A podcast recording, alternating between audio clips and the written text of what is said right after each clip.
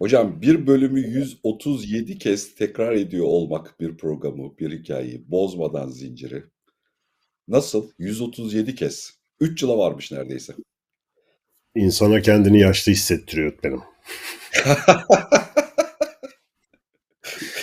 Valla 137 tane bir şey yaptım mı şimdiye kadar onu merak ediyorum. 137 tane. Yani adımı duymuşumdur o kadar herhalde ama güzel bir şey. İstikrar mucizedir. Yani. Evet evet yani hani değişik değişik bir duygusu var. Efendim günaydın. Seni, seni de bu arada tebrik ederim. Ee, Mustafa Can bu program e, vesilesiyle itiraf edeyim. Hayatımda benim muhabbetime en uzun süre katlanmış adam ünvanını en yakın garibini 3 katla geride bırakarak elde tutmaktadır efendim. Kendisine burada huzurlarınızda teşekkür ediyorum. Büyük bir zevkle hocam. Hiç hiç katlanma değil şans diye ben düşünüyorum. Bendeki karşılığı öyle. Gayet, gayet keyifli. Hemen her seferinde kafa açacağım.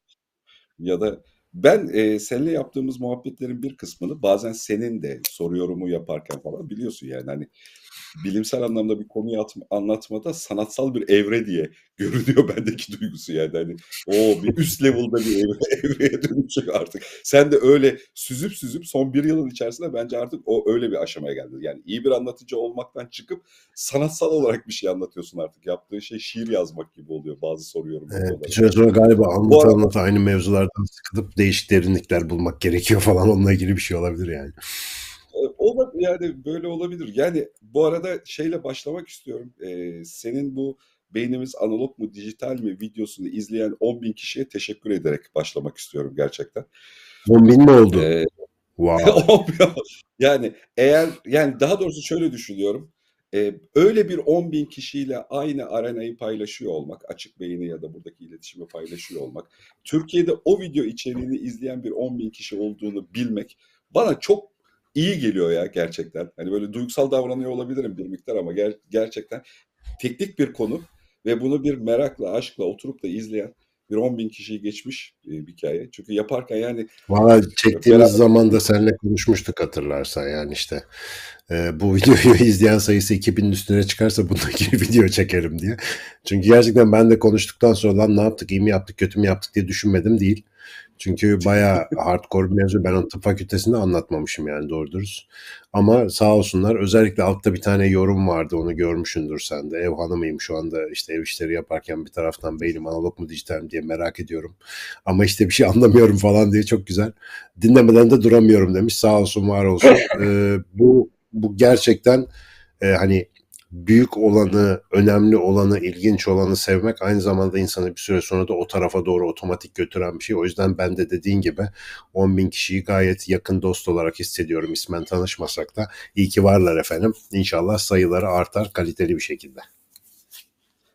Bu işte yani kimlerle beraber aynı ortamda vakit geçirdiğin duygusu. Bunu biraz sezmek, fark etmek gerekiyor. Yani ben Açık Bey ile beraberken genel olarak hissettiğim Türkiye çok aydınlık bir tarafıyla karşılaşarak gidiyoruz yani gerçekten. Yani çok daha uzlaşmacı, çok daha aklıyla, bilgiyle, zihinsel anlamda durumuyla pozitif, barışık, e, tuhaf bir aydınlık insan grubuyla ki, ki yüzlerce, binlerce, on binlerce insanla karşılaşarak gidiyor. Ben de bana kendimi çok iyi hissettirtiyor.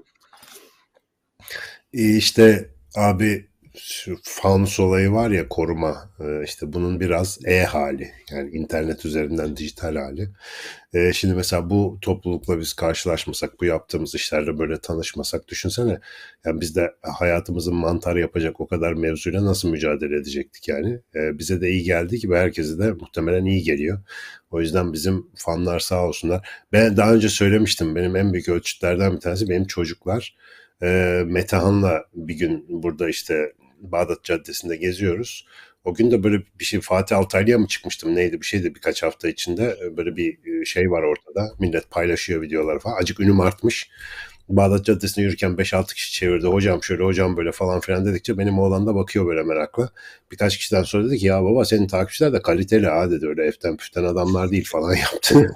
O benim böyle bir koltuklar kabardı.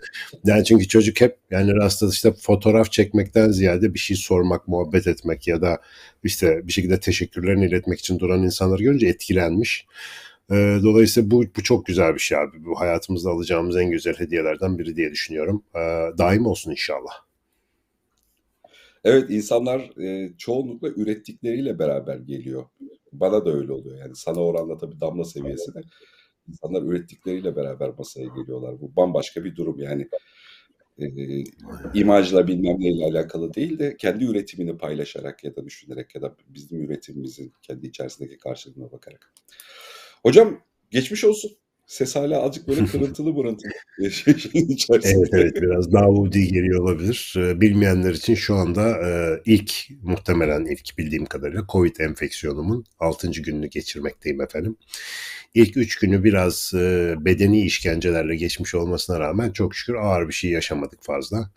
Eee, hani öyle hastanelik olma durumumuz falan olmadı ama artık evde bir oksijen ölçerim var. Onu da aldım yani mecburen.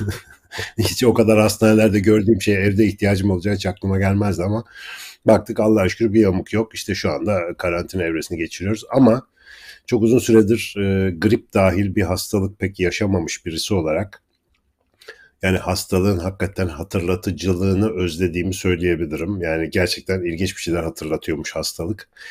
Bu bu da yani iyi düşürdü beni. 2-3 gün çok şükür. Sen biliyorsun Mustafa, hani durma ve, eee, bir dinlenme konusunda biraz sıkıntısı olan insanlardanız ikimiz de.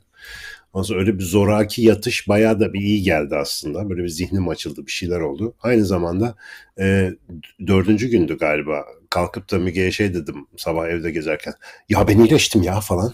Böyle bir içimde bir şeyler taşıyor, coşuyor falan. Bir hoplayasım zıplayasım geliyordu. Sonra tabii tekrar öğleden sonra fazla hoplayıp zıplayınca biraz düştük ama, eee, çok şükür yani önemliymiş sağlıklı hâl içindeyken fark etmiyorsun.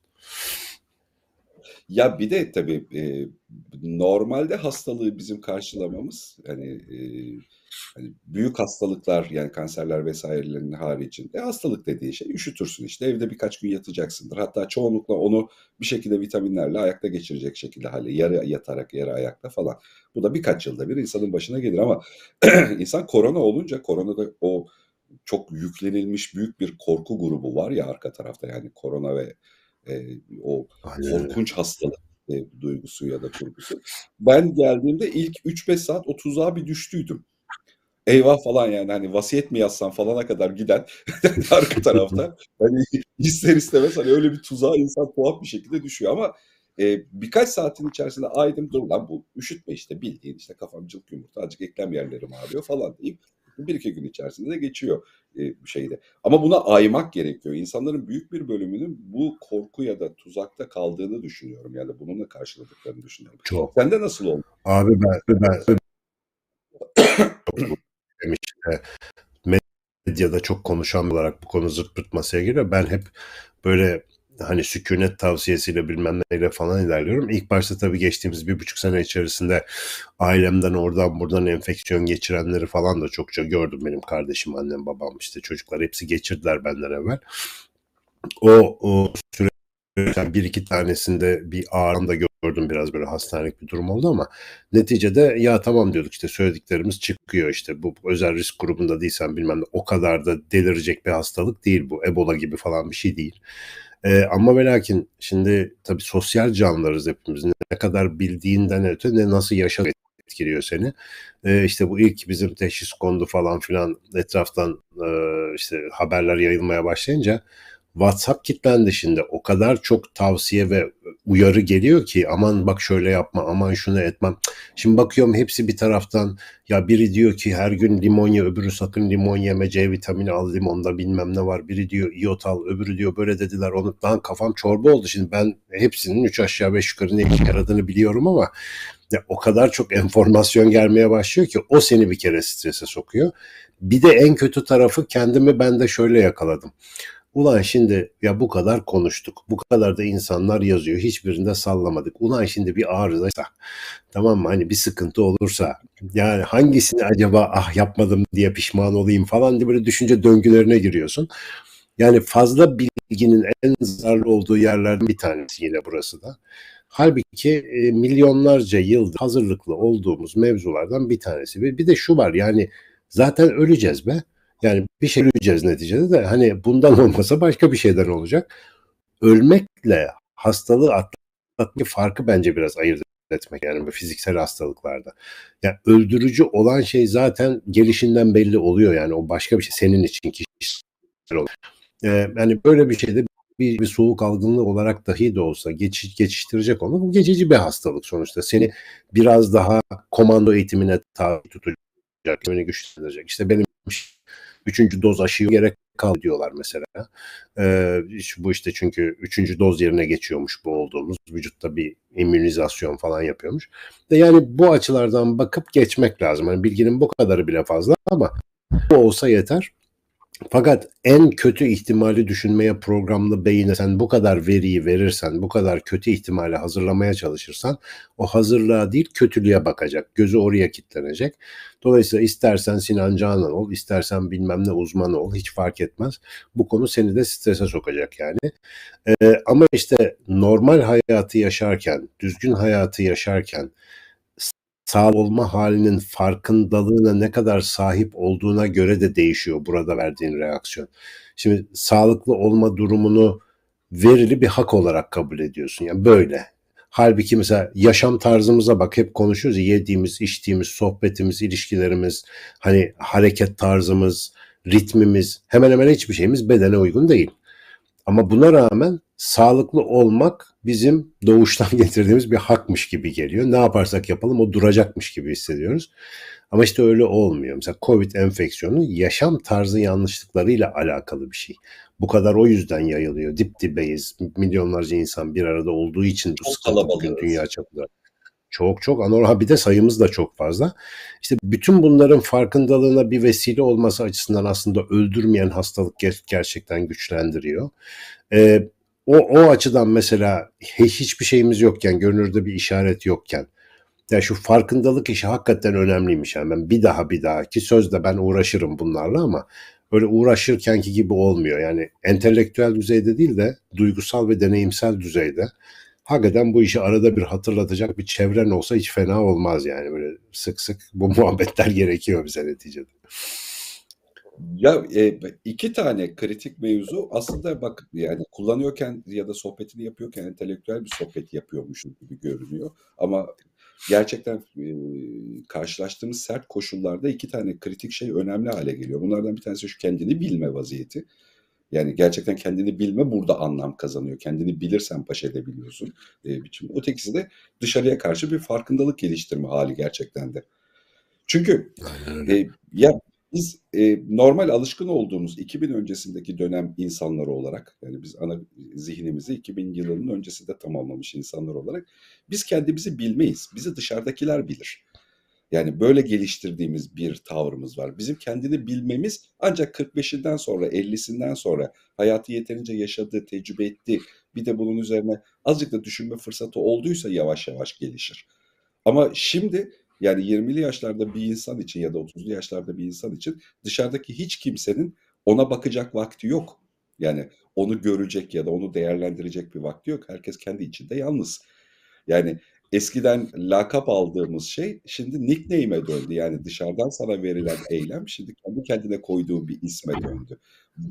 Şimdi kendini bilmek bir mecburiyete dönüştü. O yüzden. Biraz da yalnızlaşmayla yaşlarda... alakalı.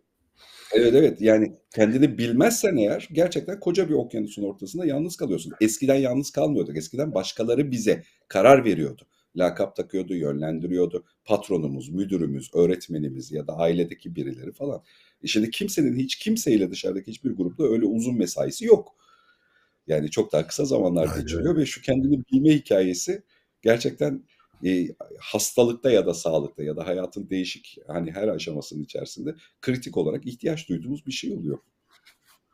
İşte o e, şu andaki bireysel yaşam zorunluluğu ve bilgiye ulaşabilme kolaylıklarının hepsiyle beraber bu iş kolaylaşmış gibi gözükse de ya da kişisel bir görev haline dönüşmüş gibi gözükse de sorun yine e, özellikle dijital dünyanın sağladığı imkanların yoğunluğundan dolayı şöyle bir ürün yerleştirmesi yaparak ifade etmeye çalışayım.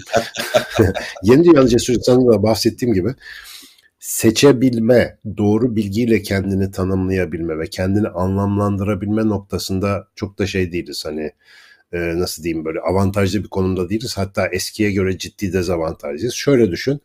Önceden mesela yakın çevremizde anamız, babamız, akrabamız bize bizimle ilgili bir şeyler söylüyordu. Eşimiz, dostumuz, arkadaşımız bize işte dediğin gibi lakap falan takıyordu. Bizi belli şeylere yönlendiriyordu, tavsiyeler veriyordu.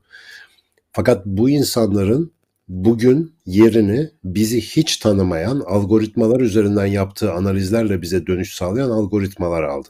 Şimdi orada ne olsa eksik, yanlış, hatalı, o kişilerin inanç ya da bilgileriyle kısıtlı bir geri bildirim bizi tanıyan birilerinden geliyordu. Bizden de veri alıyorlardı yani gerçek yaşamda. Ama şimdi bizim sadece hal ve hareketlerimizi, dijitalleştirilmiş verilerimizi veri olarak alan, bizi bir insan olarak ve bize öyle geri dönüş yapan bir şeylerle meşgulüz. Onlarla sohbet ediyoruz şu anda ve bu şey bilgelik içermiyor. Yani mesela yapay zeka sistemi, dijital sistem henüz bilgelik üretmiyor. İşte öyle olunca da sadece sorabildiğinin cevabını alabildiğin, aklına gelen soru kadar, o da sorunun cevabını öğrenip anlayabildiğin kadarıyla iktifa edebildiğin. Yani suyunun suyunun suyu bir kendini geliştirme mecrasında buluyorsun kendini. E bu verimli bir şey değil. Ya baktığın zaman sonuçta hep diyoruz ya bu kadar veriyle baş edemeyince ne yapacaksın? Bildiğine en benzeyen, anlayabilmene en yakın modeli alacaksın, onu benimseyeceksin, ona tapmaya başlayacaksın bu sefer. Diyeceksin ki ben böyleyim, ben buyum, bu budur, şu şudur. Dolayısıyla kesin yargılara hızlı varmanı gerektirecek bir süreç. Bu da yani zihinsel gelişim ve ruhsal inkişafın önünü ciddi kapatma potansiyeli olan bir şey. Şimdi bugünümüzün dünyasının tehlikesi de bu. Dün anadan atadan gelen kültür vardı ama o kültür gürültülü ve çok boyutlu bir şeydi. Yani bir sürü yerde farklı farklı açılımlarla işe yarıyordu. Şimdiki yalın kat. Dijital bilgi yalın kattır. Yani o böyle soruya cevap. İşte şu nedir, budur, bu, bu nedir, bu nasıldır, şöyledir. O kadar. Ama nedendir, farklı koşullarda ne biçimdir, bununla ilgili sana çok bir şey veremiyor. Onun karşısında biraz sanki uyanık olmanın kültürünü geliştirmek lazım gibi geldi. Sen söyleyince şimdi bunu. E, ya bu e, kendine yani hani ben ara sıra sana takılıyorum e, konuşuyoruz. Şu bilgelik okulunu açmamız lazım diye. Yani bir bir gerçekten bilge olmanın hani bizde bilge olmak beklenince olunan bir şey ve hani sanki 50'ler 60'larından sonra olunması gereken bir şey gibi. Ama bu az önceki konuştuğumuz konudan kaynaklı. Bu kendini bilme hali, bilgece davranma haline gerçekten artık 20'sinde 30'unda insanlar ihtiyaç duyuyorlar. Ee, yine az önceki söylediğimiz koşullardan kaynaklı. Evet yani bir önceki koşul, koşula da çok fazla tapınmayalım. Yani ondan önceki kültür de çok yavaş değişen bir kültürdü. Hani çok kısıtlayıcıydı, ön kapatıcıydı falan Aynen. yani hani orada kendisi. Ama şimdi bu kadar açıklığa ve fırsata rağmen insanların hala kendi kabuklarından çıkamamalarını, değişememelerini, kendi sınırlarını aşamamalarını görünce fark ediyoruz ki buradaki o öne açıklık ya da boşluk, yalnızlık da üretici bir durum değil. Başka bir dengeye ihtiyaç var ve burada tek sağlıklı çözüm kişinin kendisine bakarak, kendisini bilerek yani kendi içine, varlığına, zihinsel durumuna vesairesine bakarak karar verdiği ve tekrar simüle ettiği bir dünya gerekiyormuş gibi görünüyor. O kendine bakma yani e, çünkü şöyle bir şey oluyor hocam yani e, insanlar kendilerine nickname koyuyorlar. Evet hani bunun üzerinden metaforlayalım, analoji kuralım bir şeydi. Ama koydukları nickname kendi içlerinden gelen bir nickname olmuyor ki. O dönemde dışarıda Örümcek Adam, Matrix ya da başka bir film yani gündemi tutan bir başka kültür ya da hikaye anlatı varsa o anlatıdan yola çıkarak hala kendine nickname koyuyor. Yani yakın çevresinden etkilenmiyor, global dünyanın medya araçlarından etkilenerek kendini tekrar tanımlamaya uğraşıyor. Böyle olunca da çok fazla dışarıda işte hastalığa karşı, mutluluğa karşı öğretilmiş bir başka dış kabuk kullanır olur geliyor. Az önceki şu yalın kat anlatımını çok beğendim gerçekten doğru söylüyorsun. Bu çok daha yalın, kötü yani çok nasıl diyeyim Çin işi. Hani sığ. öyle diyelim. Sığ. Evet evet sığ. sığ. Bravo. Ee, şeyde.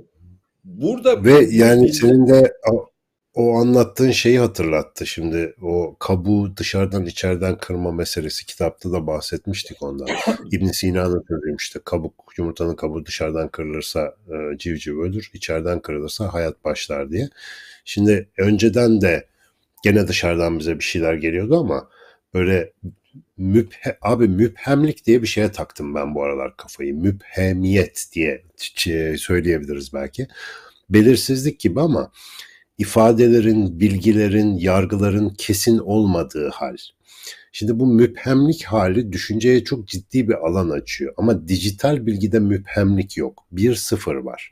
Şimdi e, şeyde de öyledir. Mesela kurumlaşmış dinlerde de müphemlik çok böyle düşman addedilen bir şeydir. O yüzden hani mesela İslam fıkhında 13 cilt kitap var. Şu şöyle yapılacak. Bu böyle yemek yerken kaşığı şöyle tutacağına kadar her şeyi yazarlar adamlar ki hayatta böyle açık bir yer kalmasın. Senin böyle nasıl diyelim yorum yapmana sebep olabilecek, raydan atmana imkan verebilecek bir açık bırak falan tarzı orduvari bir organizasyon yönetmek için yazılmış metinlere benzer onlar. Şimdi bugünün hayatında da e, işte bu biraz önce söylediğimiz o korona enfeksiyonu başlayan bir biyoloğa gelen mesajlar, öneriler vesairelerin hepsini topladığında hepsinin bir sıfır. Bunu alırsan iyi olursun, bunu yaparsan kötü olursun, böyle olursa şöyle olur, böyle ve senin o böyle dijital listeden bir hani şu şudur bu budur listesinden seçim yapmanı gerektiren ama hiçbir ara alanı düşünmene aslında imkan tanımayan fix tarifler, listeler, formüller çağının içindeyiz şu anda. Ve müphemlik olmadığı zaman kendi tarzlarını bulamıyorsun, geliştiremiyorsun. Mesela senin batıyı kitlemesinin sebebi ne? Müphemlik sıfır. Adam demiş ki ya işte güneş belki belki saçmalama olmaz önce biz söyledik zamanında öyle değil. İşte güneş dönüyor dünyanın etrafında.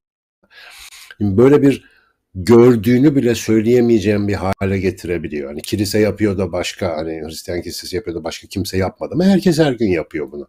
Yani ideoloji tarihinde de biz kendi yakın tarihimizde de bol bol görüyoruz. Şimdi de görüyoruz zaten.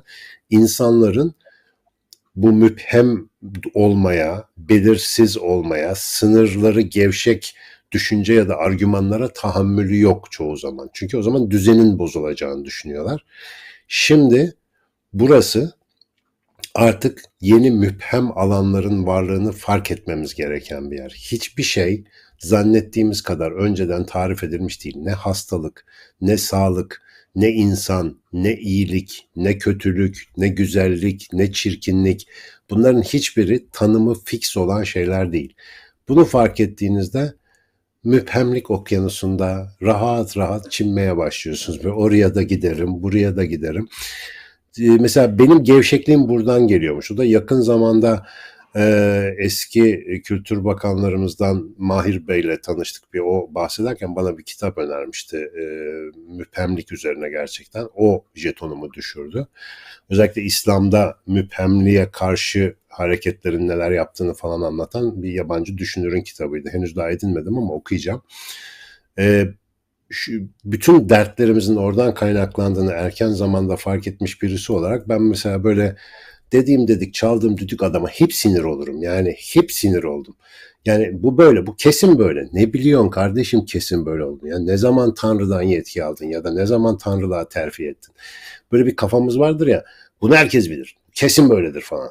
Ne oluyor lan? Nasıl herkes biliyor da ben bilmiyorum? Ben herkes değil miyim? Sen kimsin? Herkes adına nasıl konuşabilirsin? O kesin bilme halinin getirdiği konfor öldürüyor işte. Bunu bunu fark etmek çok önemli ve bu devir onu çaktırmadan çok güzel öğren bir devir. Belki onu çünkü, biraz fark etmemiz lazım. Evet yani çünkü e, gelen bilgiyi karşılayacak bir bilgi çekirdeğine sahip olamama sorunu yaşıyoruz. Hani gelen bilginin ne anlama geldiğini, nasıl yorumlayacağımızı, nasıl biçimlendireceğimize hazırlıklı değiliz kendi anlamlarımızı üretip kendi anlamlarımızla ördüğümüz bir dünyayı kuramadığımız için, biçimlendiremediğimiz için e, gelen bilginin kendisini e, anlam açlığıyla kucaklayarak yani hani anlam burada galiba ya da işte bu bununla ilerleyelim galiba diye koşturduğumuz e, bir hikaye oluşuyor. Matrix 4'ü seyrettim bu arada. İzledin mi? Fırsatın oldu mu? Aa yok nasıldı? ya e, ben beğendim e, şeyde. Ama Hadi yani bak o büyük veri. E, hayal kırıklıklarının tümünü anlıyorum ama ben hani beğenmeye çok teşneydim. Yani e, gitmeden önce yani Matrix 4'ü ben çeksem konuyu nasıl devam ettiririm diye, diye düşünmüştüm. Eee, kritik 2 seçenek vardı. Onlardan bir tanesini seçmişler onlar da yani onun üzerinden yürümek zorunda kalmışlar. Hani güzel bir hikaye grubu ya o yani çok komplike bir hikaye grubu kendi içerisinde falan. Ama görsellik açısından, sanat açısından çok düşürmüşler. Yani o Matrix'in kendi yarattığı bir evren vardır. Yani stilize edilmiş bir evren vardır. Bu evrenin dışına çıkmış gerçekten. Yani hani ortalama bir James Bond filmi aksiyonuna dönüştürmüş aksiyonların görüntülerini. Bir de mesela şeyi çok fazla e, belirgince hissediyorum. Değişen dünya insanı, şimdi Z kuşağı diye tarif ediyorlar ama bence doğru tanım o değil. Belki yenisini üretmek lazım. Yeni kuşak insanlar bizim 20 sene önce bu filmi ilk izlerkenki heyecanlanan kuşağın kendisinin arasında kalmışlar. Hangisini tercih edeceğini, neye neye göre yorumlayacağını mesela onu evriltememiş kendi içerisinde, biçimlendirememiş. Ee, şundan yola çıkarak aklıma geldi Matrix 4. Bu işte amaç edinme, gerçeği bulma konusundaki herkesin motivasyonun düşmesini konu edinmiş. Matrix 4 de onu konu edinmiş. Yani ha, tamam Matrix'ten Hmm. çıkaracağız da gerçekten istemiyor ki. Çünkü ama yani bizim gerçeği bulmakla ilgili bir amacımız vardı ama yani yeni karşılaştığımız kuşakta böyle bir amaç var mı gerçekten? Gerçekten bunu insanlar istiyor mu? Ee, gerçeği bilmek ve tüm sert koşullarına rağmen o gerçeğe ulaşmak insanların istediği bir şey mi? Mesela bunu konu edinmiş çekirdeğinde. Burası benim için de etkileyiciydi mesela. Şu anda beğendim Matrix'i. Hiç problem yok. Yani Ya evet bu- ya bu yeter. yani büyük büyük hayal kırıklığı var arkasında ve e, anlıyorum. Ben bu arada yani Matrix'le ilgili şunu da söylemem lazım. Ben ilk seyrettiğimde Matrix'in en beğenmediğim tarafı aksiyon sahneleriydi mesela. Çünkü kung fu falan hayatta sevmem. O karate filmlerini hiç izleyemedim. Bruce Lee'ye saygı duyarım ama mümkünse yolda karşılaşmayalım. Hiç sevmediğim bir şey. Ama bütün filmin onun üzerine tasarlanmış olmasına rağmen konudaki o biraz önce senin bu son filmle ilgili bahsettiğin ana çekirdek o kadar hoşuma gitti ki benim o filmi 400 kere izledim yani. E, dolayısıyla benim için fikir önemli. O aksiyon maksiyon ne yaparlarsa yapsınlar. Artı James Bond'da fena değil abi. Niye gömdün herifleri yani? Son filmler güzel bence. Ya işte yani Matrix'te hep bir üst bir üstteki level'da bir beceri vardı ya yani izlerken.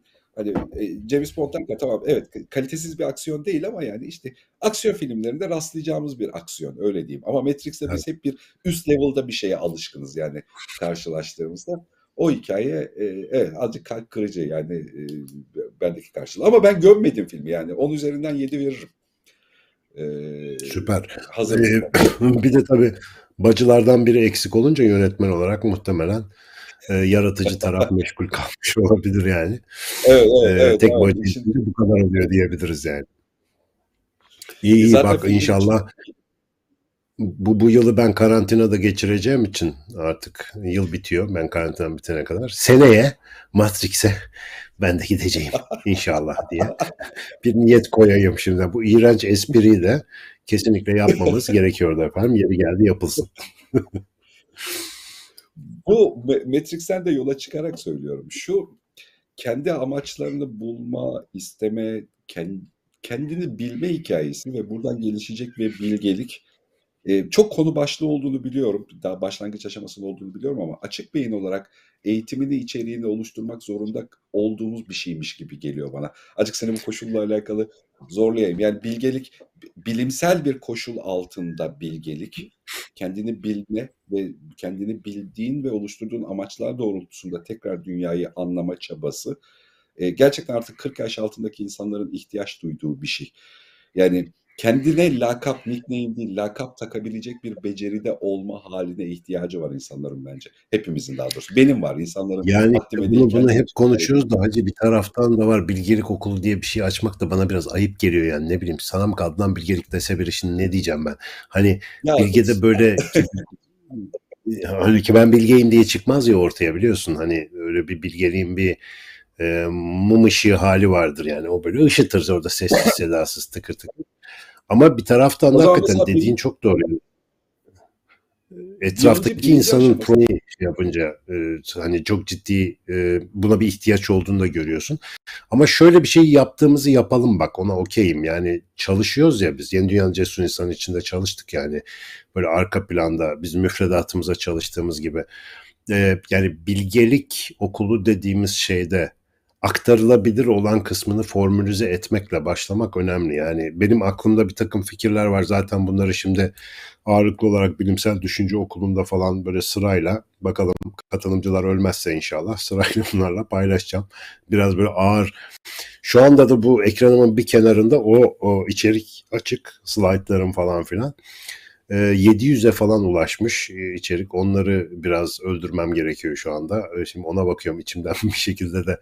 Hiçbirine de kıyamıyorum yazık. Hepsi çok önemli gibi gözüküyor ama bunu tabii ulaştırdığımızda karşıdaki insana, her yaştan insana faydalı olabilecek bir şeye indirgemek gerekiyor. Ve belki adını da değiştiririz yani bilgelik okul değil başka bir şey diyelim. Çünkü hakikaten bana biraz fazla iddialı geliyor bilgelik demek. Çünkü bilgelik e, hani ne bileyim meyve okulu gibi. Sen, biz de ağaç dikme aşamasında bir şeylerden bahsedeceğimiz için yani meyve okulu. Daha bir dur bir ağaç çıksın, bir toprağa düşsün falan filan. Belki ondan sonra olacak bir şey gibi. Ama şart. Belki, belki birinci müfredatı e, şey olabilir. Kelime aklıma gelmedi. Mütevazilik. Heh. Belki de bir müfredatının birinci aşaması tamam. mütevazilik olabilir. Belki bunu bunu düşünerek, bunun üzerine düşünerek biçimlendirmek işte o yüzden utanmak lazım önce bu akıl açarken. Hani diyeceğini halledeceksin neticede. Merhaba bilgeliği ben anlatıyorum falan hiç olmadı şimdi. Dolayısıyla onu biraz zor açmak iyi bir şey. Ee, yani gerçekten de şu hala var bak mesela bu işte bu kuşaklardan bahsediyorlar ya YZ bilmem ne şimdi alfa kuşağı varmış. Yani o insanların işte kişilikleri, karakterler arasındaki belirgin farkları da görürüz ya her devirde o şeyden, devirden bağımsız olarak. Yani yapısal olarak gerçekten daha tevazu sahibi o küçüklükten beri avantajlı olmalarını görüyorsun ya. Hala avantajlılar. Yani e, verili kısa bir olayda dezavantajlı gibi gözükse bile uzun vade, uzun vade derken yıllar değil. Mesela küçük bir olayın arkasından izleyen saatler, günler ya da haftalar içerisinde öyle bir uzun vadede hep mütevazinin karlı çıktığı bir sistem var. Mütevazinin sosyal yardım aldığı, mütevazinin etrafında insanların daha çok toplandığı, onun daha iyi liderlik pozisyonuna geçtiği, daha aydınlatıcı, daha onarıcı, daha rahatlatıcı, daha e, güvende hissettirici falan olduğu birçok vakayı şimdi de izleyebiliyorsun çocuklarla, gençlerle takıldığında. Yani bu kaliteler hakikaten işte kadim diye boşuna demiyorlar abi. Kadim kaliteler bunlar. Yani zamanından vesaireden bağımsız olarak hep çalışmaya devam ediyor. İşte bu bilmiyorum hikayeleridir. Kenar etkisinden istifadelerdir. Sade kuralları bulabilmelerdir falan. Ya bütün bunlar kadim. Çünkü tabiat öyle çalışıyor. Ne yapayım ben yapmadım yani. Yapan güzel yapmış. Bun, bunda yüzde yüz fikrim. Yani zaten e, bir bilgelikle alakalı bir şeyden bahsediyorken bunun kapsayıcılığından kaçı yani böyle kapsayı böyle oluşacak bir şey. Aslında bu konuyla alakalı eğitimini hazırlamak derken gerçekten birini öğretmekten çok hani öğretmeye hazırlıkta kendini öğrenirsin ya o iştahla anlatıyorum. Bu ihtiyacı fark ediyorum. Hani bunu bunu nasıl öğrenebilirsin? En iyi eğitimini hazırlarsan öğrenirsin. Yani hani bunun Aynen. üzerinde aşama kaydedersin. O yüzden içim Benim yıllardır taktiğim bu valla. Önce anlatacağım ki ben anlayayım. Ondan sonra biri de anlarsa evet. ne güzel kar. Hep öyle oluyor. Ama mesela bu e, şu geçirdiğim enfeksiyon ki oldukça hafif bir şey bana göre şimdiye kadar geçirdiklerim arasında. Bu arada buna benzer bir şey de pandeminin başında geçirmiştim ben zaten. Hatta mesela e, yani tat koku bile kaybolmadı. Hani oluyor ya herkeste. Bende mesela öyle bir şey de çok olmadı. Biraz hafif e, tıkanıklıktan ötürü bir şey var. Ama yani şu geçirdiğim şu kadarcık bir şeyin bile e, bu uğraştığımız meseleler ışığında hakikaten dönüştürücü olduğunu fark ediyorsun. Yani seni bir yerden öbür tarafa bile hafif bir tık da olsa dışarıdan çok gözükmese bile seni içeriden bir şeye doğru ittiriyor. Aslında biraz belki böyle bilgelik meselesiyle ilgili konuların normal hayatın sıkıcı rutinleri içerisindeki sıra dışı itmeleri ya da dersleri fark etmekle çok alakası var. Biz mesela normalde Covid gibi bir tantana olmasaydı bu gribi geçirecektik. Çoğumuz diyecekti ki abi 3 gündür gribim evde yatıyorum. İyi hadi gel devam edelim. Yemeğe içmeye gidelim falan diye günümüze devam edecektik. Şimdi Covid ile ilgili egzajere edilmiş bir hani böyle beklenti var ya bir Covid diye bir enfeksiyon içerisindeyiz.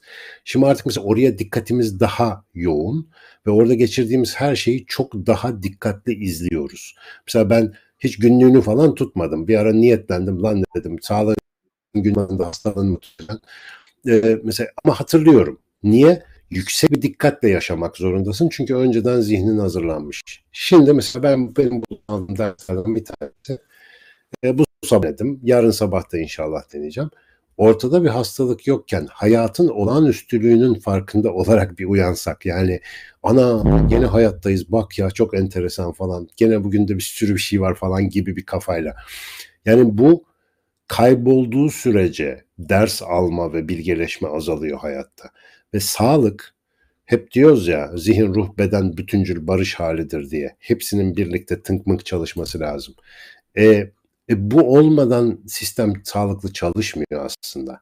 Yani günlük hayatın rutini içerisinde portakal sularını içip joggingler edip işte koşu bandında yürüyüp bilmem ne yapıp böyle bedenen sağlam hissederek sağlıklı olunmuyor işte. O niye sağlıklıyım lan bene bağlıyorsun sonuçta. Ne gerek var anasını satayım. Bu dünyada beton olsam kaç yazar. Anlamı yok ki falan filan. Hani oraya doğru gitmemek için o sistemin orkestra şefine arada bir yeni notalar vermek. Orayı acık böyle şey yapmak, yeni parçalara çalıştırmak falan gerekiyor gibi.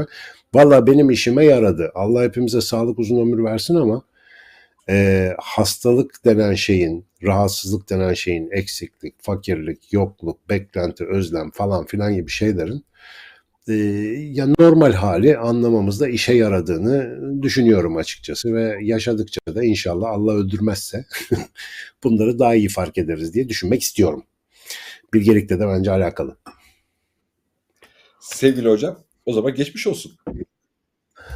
Valla e, hem geçmiş olsun hem sağlık olsun hepimize efendim diyelim. Ee, zaten bugünkü muhabbette öyle başlamıştı sağlık olsun hesabı. Herkes kendine çok dikkat etsin. Arkadaşlar önlemlere dikkat edin. Ee, muhtemelen e, aşı meselesi iki aşımız olduğumuz için bu kadar hafif ne diyorum. Lütfen onu da etrafımızda da bu konuda hakikaten bilinç bulandırıcılarla ilgili yoğun bir faaliyet var biliyorsunuz. Siz de halim ve selim bir şekilde örnek olursanız çok çok güzel olur. Ee, teşekkür ederim Mustafa'cığım. Hocam çok çok teşekkürler. Görüşürüz.